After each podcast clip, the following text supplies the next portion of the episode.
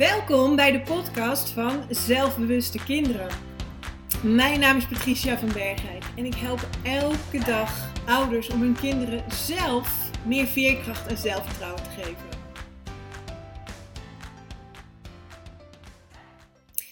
Nou, ik heb weer een ehm, les, deel ik hier in deze podcast, die ik ook deel in mijn um, besloten Facebookgroep. Zelfvertrouwen kind vergroten. Je kan hier gewoon gratis van lid worden. En dan vind je sowieso allerlei handige tips, tricks, oefeningen uh, die je samen met je kind uh, uh, kan doen, die jouw kind kan helpen. Nou, je vindt er van alles. dus word vooral lid van deze groep en um, dan vind je heel veel leuke informatie, tips, tricks. Nou, deze week wil ik met jou delen. Um, en dat is eigenlijk wel mijn stokpaardje. Uh, die ik graag met jou deel. En waarom is dit mijn stokpaardje? Nou, dit is iets wat mij heel erg, um, uh, heel erg aan het hart gaat. En het gaat over het labelen van kinderen. Dus doe je voordeel ermee, trek je lessen eruit. En dan wens ik je heel veel luisterplezier. Ja, die ik zo vaak tegenkom bij ouders uh, die ik help is dat ze, um, en dat is dus ook de valkuil, uh, is het labelen van kinderen. we doen dit zo graag.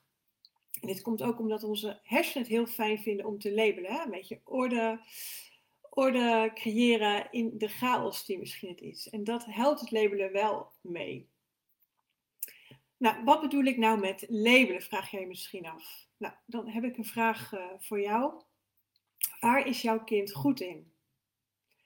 Is jouw kind uh, misschien een echte Einstein? Kan jouw kind heel goed uh, sommetjes maken? Is gewoon goed in rekenen of misschien zelfs al een beetje wiskunde? Misschien is jouw zoon of dochter een echte Vincent van Gogh. Hij kan super goed tekenen. Of eerder een Messi. Hij kan goed met die bal omgaan op het voetbalveld. En virtueus uh, gaan lopen ze, rennen ze over dat voetbalveld heen. misschien is jouw zoon of dochter een clown de leukste in huis, die graag grapjes maakt, veel aandacht nodig heeft. Uh, altijd, altijd gewoon wel aanwezig is op een uh, positieve manier. Een clown kan natuurlijk ook negatief zijn. Of misschien is jouw zoon of dochter een echte uh, sloddervos. Dus kan goed rol maken. En dat is ook een talent. Um, maar dus dan zeg je, nou, ik, ik zie je, je bent een lekkere sloddervos ben je weer. En als je dit dus vaak genoeg hoort als kind, hè, dus hè, je bent een slottervlos of je bent een clown of je bent een messie. En dat jij dit vertelt tegen buren, uh, tegen familieleden. En dan horen ze natuurlijk ook, hè, want die oren zijn altijd op stokjes, die horen alles uh, wat je zegt. Maar dan gaan ze dit ook geloven.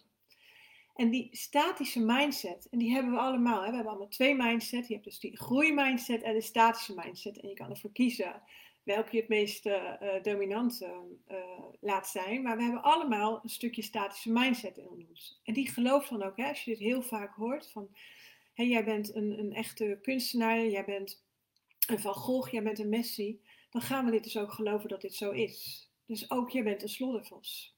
Dus, maar als dit dus positief is, hè, dus jij bent, je bent zo slim, of je hebt een talenknobbel, ja, dan zal je er alles aan doen alles aan willen doen dat je dit label behoudt. Want je bent trots op dat je dat label hebt gekregen van je ouders of van de juffrouw. Maar als het een negatief label is, dus die sloddervos, dat is niet echt leuk om te horen. En er is dan weer een rommel heb je dan gemaakt, of, in, op de tafel of in, je slaapkamer. Ja, dan zit je kind, dan denkt jouw kind alleen maar, ja, zie je wel, ik ben eenmaal zo, uh, ik kan niet anders. Dat is gewoon wie ik ben. Dus dan zie je al gelijk een beetje wat het gevaar is van het labelen. door je kind dus een label te geven, ja, laat je dus eigenlijk je kind weten dat het iets afwijkends is. dat het zo is, dat het niet normaal is. En daarmee ga je je kind ook een beetje anders behandelen. Zowel positief, maar ook negatief. En je kind gaat zich in de meeste gevallen ook vereenzelvigen met dit label. En zich er zelfs naar gedragen. Het wordt als het ware echt een stuk van, ja, stuk van de identiteit. Hè? Van, een stuk van de identiteit van je kind. En komt voor de eigenheid met al die talenten te staan. Dus dan heb, heb je het niet alleen maar. Dus heb ik het niet alleen maar over die labels, als een rekenwonder, een kunstenaar of een dochter met een talenknoppel. Maar ook over, over kinderen die negatieve eh, labels hebben, hè, zoals die rommelkont of last hebben van dyslexie. Misschien heeft jouw kind last van ADHD, eh, of last van ADHD, heeft het label gekregen ADHD. Maar dit, wat ik dus al zeg, het label ADHD, dit is ook een label. En jouw kind is als eerste dan een ADHD'er of een autist. En daarna pas hè, die creatieve Peter of die sportieve Anna. En dat is echt super jammer, want op die manier komt jouw kind niet volledig tot zijn recht. En van zo'n label krijg je ook dus niet meer zelfvertrouwen. En bij het stellen van, van zo'n diagnose, dus hè, ADHD is echt een, psychi een, psychiatrische diagnose die dan wordt gesteld. Nou, kinderen worden dan getest en op basis van medische klassificaties worden ze dus ook uh, veroordeeld uh, of beoordeeld hun tot in een bepaalde categorie waar ze dan tot horen. Hè. Ze worden dus in dat hokje horen ze dan in. Maar daarbij hebben ze dus wel, daarbij wordt niet gekeken naar de varianten die er zijn binnen zo'n categorie. En vooral wat voor eigenwaarde, hè, wat voor eigen talenten ook bij jouw kind horen. Dus we gaan echt kijken en we gaan de kinderen behandelen, dus in stereotypen. Waardoor, waardoor op die manier geven ze dus niet voldoende ruimte om zichzelf te zijn. want je bent niet allemaal hetzelfde. Geen kind is het gelijk. Geen één kind met een bepaald label reageert op dezelfde manier. En sommige labels hè, worden als chronisch of stabiel beschouwd. Maar het blijkt al, hè, als, als je de, dus niet naar die, als, je de context om, kinderen verandert, en wat bedoel ik daarmee, de context om kinderen verandert, bijvoorbeeld wanneer het naar een andere schoolomgeving gaat, of wanneer je de opvoedstijl uh, verandert, dat het, dat, dan gaat ook het gedrag van kinderen kan je dan veranderen. Dit betekent dus dat een label, dat, dat een label dus in principe niet voor altijd is. Het is dus niet statisch, het is niet iets wat vaststaat dit houdt dus, dit houdt, hè, dit, dit, betekent dus ook, hè, dit, dit geldt dus voor, die, uh, voor dat label ADHD, maar dit geldt ook voor het, uh, het, label tekentalent. Als jij niet meer oefent met je tekenen, ga je niet, ben je geen tekentalent meer. Dan wordt dat talent zal ook minder worden. Dus dat geldt voor alle labels eigenlijk. Dus besef, wat ik hiermee dus wil zeggen, besef dat een label is heel gemakkelijk op iedereen te plakken. Maar het is veel lastiger om het te verwijderen. Dus wees alsjeblieft voorzichtig met het labelen van je kind. Ik doe dit ook wel eens, maar dit helpt niet. Dan, dan, hij is niet druk, hij gedraagt zich druk. En hij is niet ondeugend, hij gedraagt zich nu ondeugend. Of ze is niet slecht in lezen. Nee, het lezen gaat gewoon nog niet zo goed. Zie je het verschil erin? Dus het is niet zo, maar het is een momentopname. En kinderen met een vaste mindset, dus dat is echt het, tegenovergestelde van die groeimindset, geloven dus dat hun basisvaardigheden, zoals intelligentie, hun talenten, uh, dat dit vaste eigenschappen zijn. Je hebt er een bepaalde hoeveelheid van en dit is wat ze hebben. Dit kan niet veranderen.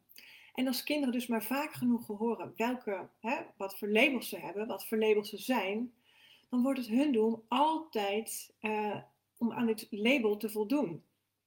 En dus als jij, als jij het label op je kind is geplakt, of jij plakt het zelf op je kind van super intelligent of hoogbegaafd, dan zal dat kind wat dat label heeft gekregen er alles voor doen um, om geen fouten te maken. Om maar te laten zien, ja, ik ben, ik ben heel erg slim, ik ben hoogbegaafd.